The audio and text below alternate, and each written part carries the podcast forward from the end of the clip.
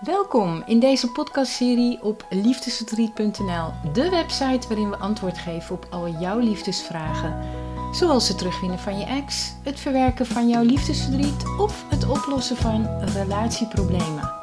En vandaag heb ik weer een nieuw onderwerp voor je, dus luister mee en jij weet weer een stuk meer over jouw liefdesleven. Hallo lieve luisteraars, nou daar zijn we weer in een nieuwe podcast. En dit is dan podcast nummer 21, een vervolg van podcast 20 uiteraard, waarin ik ook al had gesproken over de onzekerheid die sommige mensen ervaren binnen de liefdesrelatie. En ja, in die vorige podcast hebben we dan drie stappen besproken. En in deze podcast wil ik dan nog verder ingaan op de overige stappen. Maar laat ik even voor het gemak nog even een korte samenvatting maken met wat we hebben besproken in de vorige podcast. En voor degenen die dit beluisteren op Spotify of andere platformen, dan behalve mijn YouTube-kanaal, weet in ieder geval dat dit wordt opgenomen op video.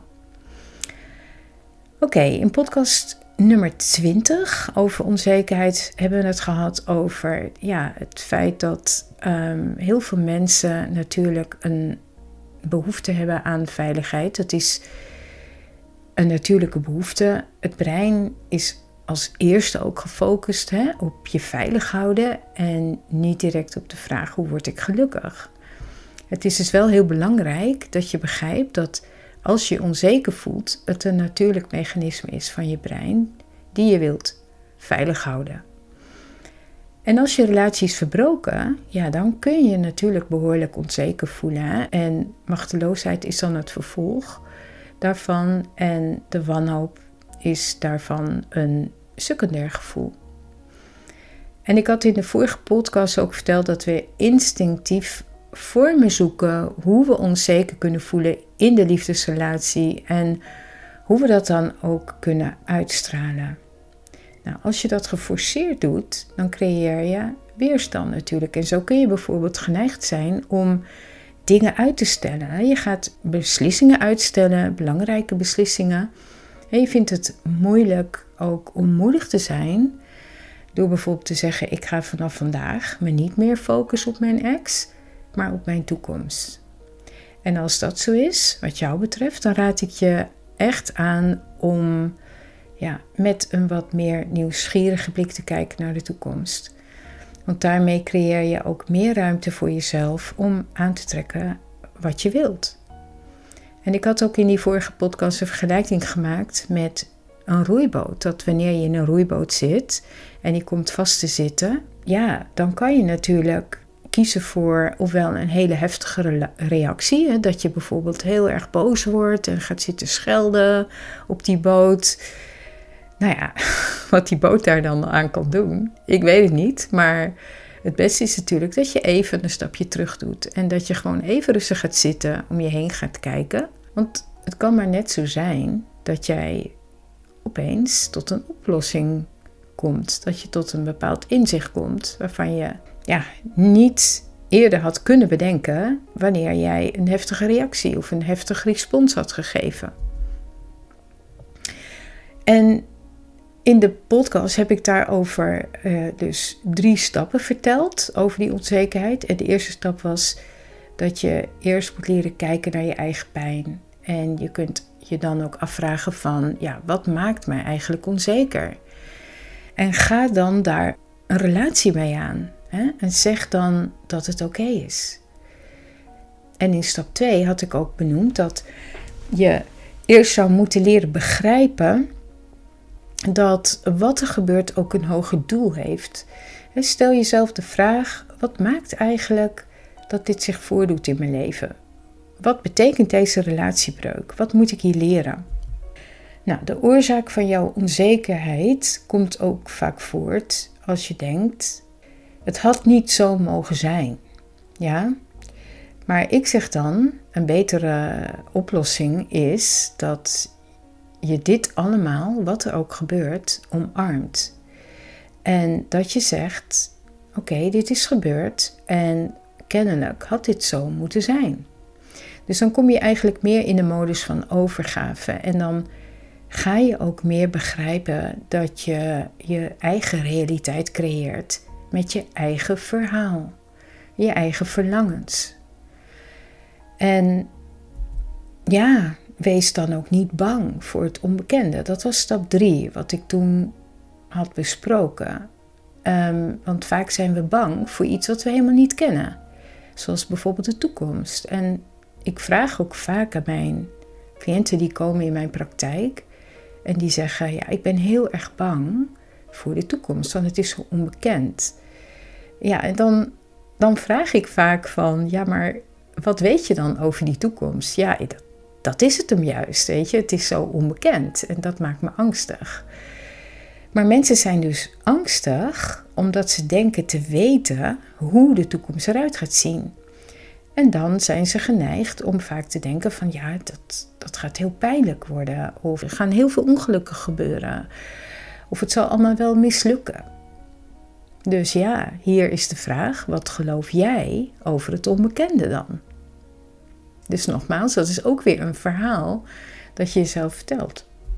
Oké, dan zijn we nu dus beland uh, bij stap 4. En de eerste stap, deze stap 4, gaat over dat mensen lijden door onzekerheid omdat ze gehecht zijn aan de uitkomst. Aan de uitkomst van, ja, dat ze hopen eigenlijk, dat ze verwachtingen hebben over uitkomsten. En daar kunnen ze zich behoorlijk in vastbijten. En ja, en die gehechtheid maakt eigenlijk dat je lijdt. Ik zal een paar voorbeelden noemen. Bijvoorbeeld, je zegt: Ik weet dat ik die ene baan wil, dus ga ik er naar solliciteren. En wat er dan gebeurt, is dat wanneer er geen reactie komt van de, van de werkgever, ehm, ja, dat ze geneigd zijn om daar heel veel ruimte te geven aan die onzekerheid. En dan gaan ze allerlei doemscenario's bedenken. Bijvoorbeeld, het zal toch niks worden. Ik, ja, er is iemand die is veel beter dan ik ben. En ik ben een loser, bijvoorbeeld. En wat hier dus speelt, is dus gehechtheid aan de uitkomst. Ja? En als je niet oppast, kun je overmatig behoeftig worden om controle te houden over de situatie. Want ja, wanneer jij heel veel controle wilt uitoefenen um, over je ex, wat gebeurt er dan? Je wordt heel erg krampachtig. En ik zeg altijd, hoe krampachtiger jij bent, hoe krampachtiger jouw buitenwereld, jouw externe realiteit er ook uit gaat zien. En wat dan zo jammer is, is als je zo gehecht bent aan hoe de dingen zouden moeten gebeuren, dan hou je jezelf tegen om al het andere te zien wat er ook nog is. En ja, dat zijn vaak ook mooie dingen. En er zijn vaak heel veel mogelijkheden nog en kansen die er ook nog zijn. Dus een van de beste dingen die je kunt doen is nagaan hoe gehecht ben ik eigenlijk aan de uitkomst? En hoe kan ik dat verder onderzoeken? Wel, dat kun je doen op de volgende manier. Ik ga nu met jou een oefening doen. Dus als je in de auto zit, raad ik je niet aan om dit te doen. Maar pas dan wanneer je thuis bent of zo. In je eigen veilige ruimte. En voor het geval dat je wel thuis bent en jij kunt nu even een momentje nemen voor jezelf en gaan ontspannen, dan wil ik je ook vragen om eens even lekker rustig te gaan zitten. Zeker als je je nu heel erg onzeker voelt. Dus doe dan nu de oefening maar met me mee. En sluit je ogen.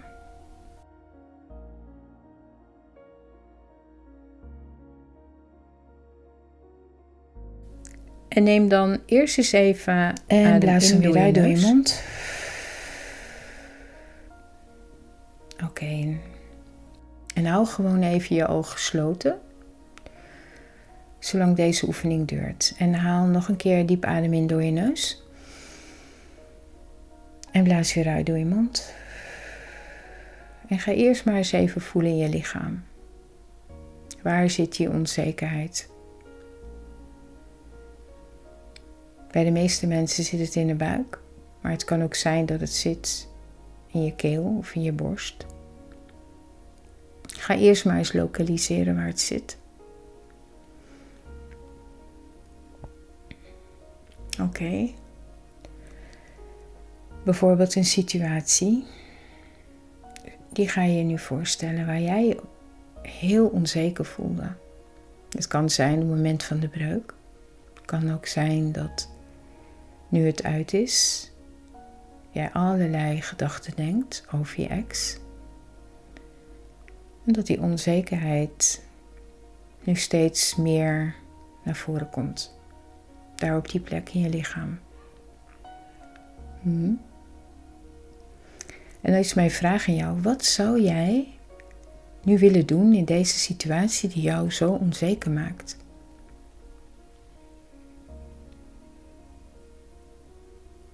Oké, en dan is mijn volgende vraag: wat denk jij dat de oplossing is hier voor deze onzekerheid?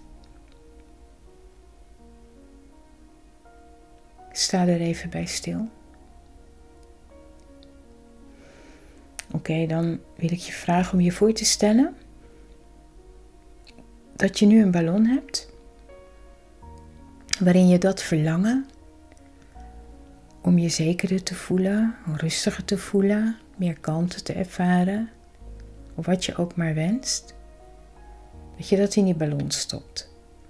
En stel je dan voor dat die ballon zit vast aan een touwtje of een lint,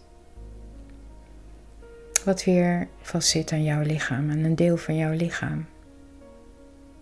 Het kan zijn dat het je hart is, of je pols, en dan zo dadelijk tel ik van 1 naar 3.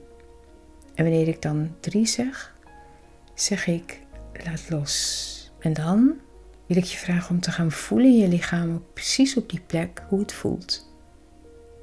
Om dat los te laten. En dan stel je voor dat het dan helemaal meegezogen wordt naar boven toe. Ervaar het bijvoorbeeld als een sensatie van overgave.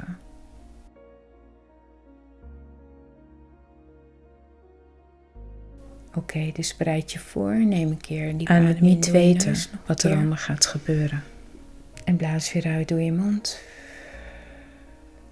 Oké, daar gaan we dan. Je hebt nu al jouw verlangens over de uitkomst van jouw situatie. 1, 2, 3 en in die ballon gestopt. En zie dan hoe de ballon nu helemaal opstijgt naar de hemel, steeds verder en verder en verder. Je ziet hem als het ware helemaal omhoog gaan. Zie het voor je? Die ballon die gaat steeds verder van je vandaan en zweeft steeds hoger en hoger en hoger. Voel nu, wanneer je zo dat ervaart, waar je dat dan voelt in je lichaam. wanneer je die ballon helemaal ziet opstijgen. En probeer dan je hart of het deel waar die ballon aan vast zit, aan je lichaam, om dat nu meer en meer te gaan openen. Precies dat deel. Zodat jij kan gaan ontvangen vanuit het onbekende.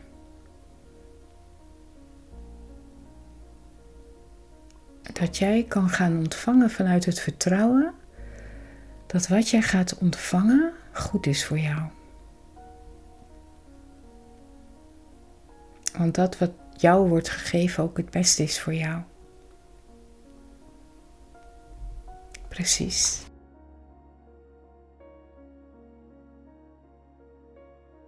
En het maakt helemaal niet uit, ook al is het allemaal niet wat jij had verwacht.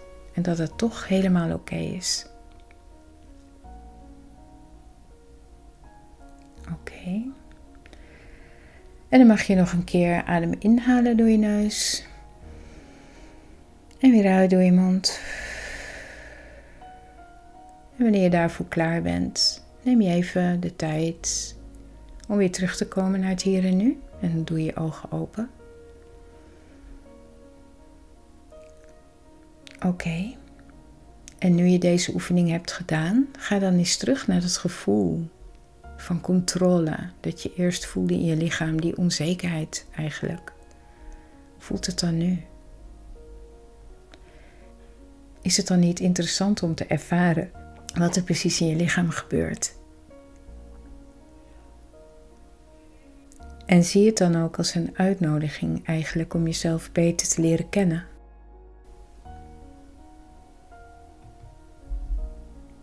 Oké, dan ga ik nu over naar de volgende stap. En dat is stap 5. En dat gaat over de positieve dingen. En daarmee bedoel ik eigenlijk dat je leert om echt de positieve dingen te gaan zien om je heen, alles wat er is. Ook als je in onzekerheid verkeert.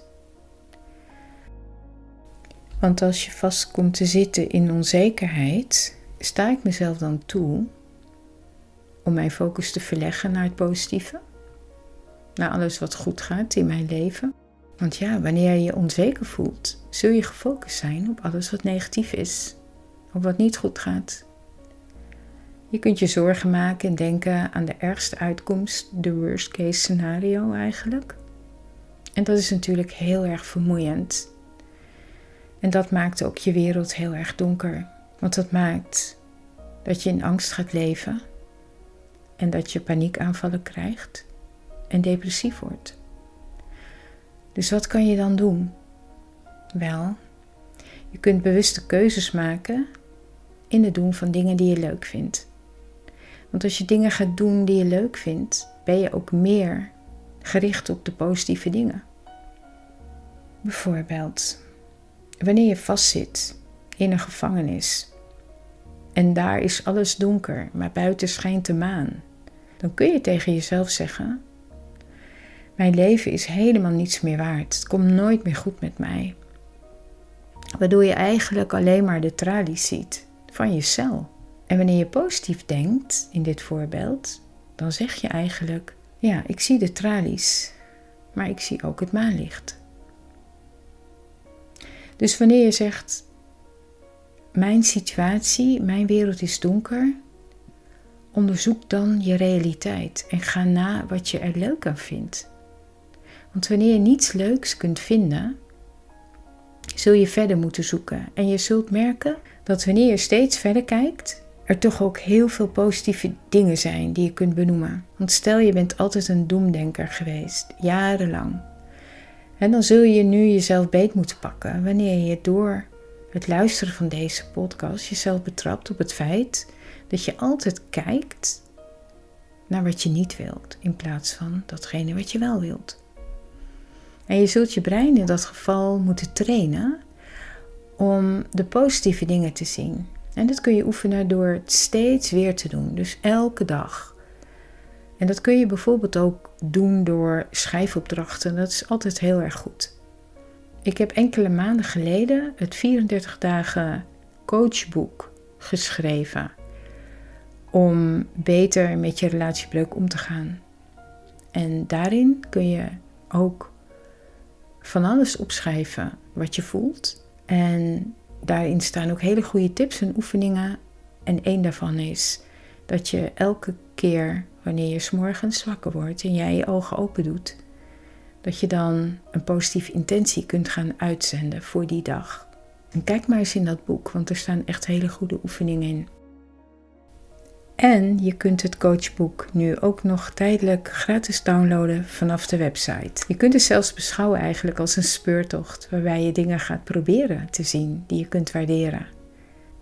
En natuurlijk kun je ook nog mijn andere podcast beluisteren. Hoe stop ik met piekeren? En hoe stop ik mijn obsessieve focus op de worst case scenario? En dan gaan we nu naar stap 6. Beschouw je leven als een rivier die stroomt en die je meevoert zodat je meer in de flow komt. Als je leven namelijk beschouwt als een rivier en je niet gaat proberen om de rivier een bepaalde wending te geven, door te proberen bijvoorbeeld er controle over te hebben en je gaat in plaats daarvan de rivier juist omarmen door jezelf mee te laten voeren met de stroming. En je stopt dus met proberen controle te houden over je leven. Je gaat in de richting waarvan je weet dat die richting precies datgene is wat je wilt Dus je laat je leiden door de stroom van het leven in plaats van er tegen te vechten. En dan zul je zien wat de rivier je wil laten zien. En waar het wil dat jij heen gaat. En wanneer je vanuit een bepaalde nieuwsgierigheid bereid bent om van koers te veranderen, door mee te gaan door de ups en downs van het leven te aanvaarden, dan is er geen weerstand meer. En dan zul je meer in de flow zijn van het leven. Omdat je weet dat wanneer je tegen de stroom in probeert te zwemmen, dat je gewoon vermoeid zal raken, waardoor je zult verdrinken eigenlijk. Dus ja, het enige wat je dan kan doen, is om met de stroom mee te gaan. Vanuit nieuwsgierigheid, in plaats van zekerheid eigenlijk. Dus leef meer vanuit nieuwsgierigheid naar alles wat er komt. En dan, ja, dan zul je de schoonheid van het onbekende gaan ervaren. En ja, dan zijn we alweer aangekomen bij het einde van deze podcast. Deze podcast is eigenlijk nog niet helemaal af, want in een volgende podcast ga ik ook de stappen 7 tot en met 11 met je bespreken. Want ja, onzekerheid in je liefdesleven is natuurlijk een heel belangrijk onderwerp. En mocht je hiervoor nog hulp nodig hebben, mocht jij behoefte hebben aan persoonlijke begeleiding, dan kun je eens gaan kijken op liefdesverdriet.nl slash aanbod of liefdesverdriet.nl slash hypnotherapie. Ik wens voor nu jou een hele fijne dag. Ik bedank je voor het luisteren naar deze podcast. En dan zou ik zeggen, tot gauw weer. Bye.